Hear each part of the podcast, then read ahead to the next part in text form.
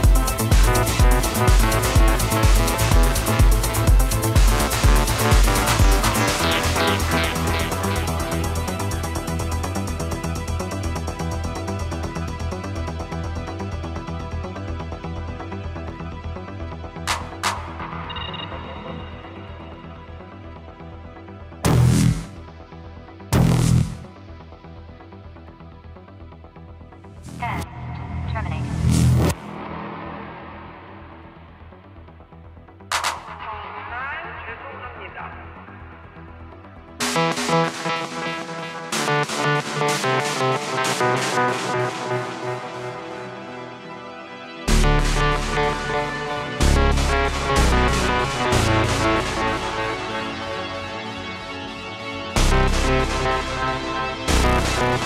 back.